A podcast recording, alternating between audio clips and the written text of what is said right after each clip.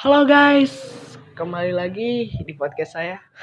kembali lagi ini kan pertama. Nah, pertama ini saya ingin memperkenalkan diri. Hai, nama saya Muhammad Ilham. Uh, bisa dipanggil juga Alim atau si Alim. Nah, uh, sekarang kenapa podcast saya ini bernama si Alim? Karena saya dulunya dari kecil udah dipanggil Alim, bukan so Alim tapi Alim. Alim itu gak mau atau tidak Nah, alim itu eh, di bahasa Sunda. Nah, saya itu orang Sunda.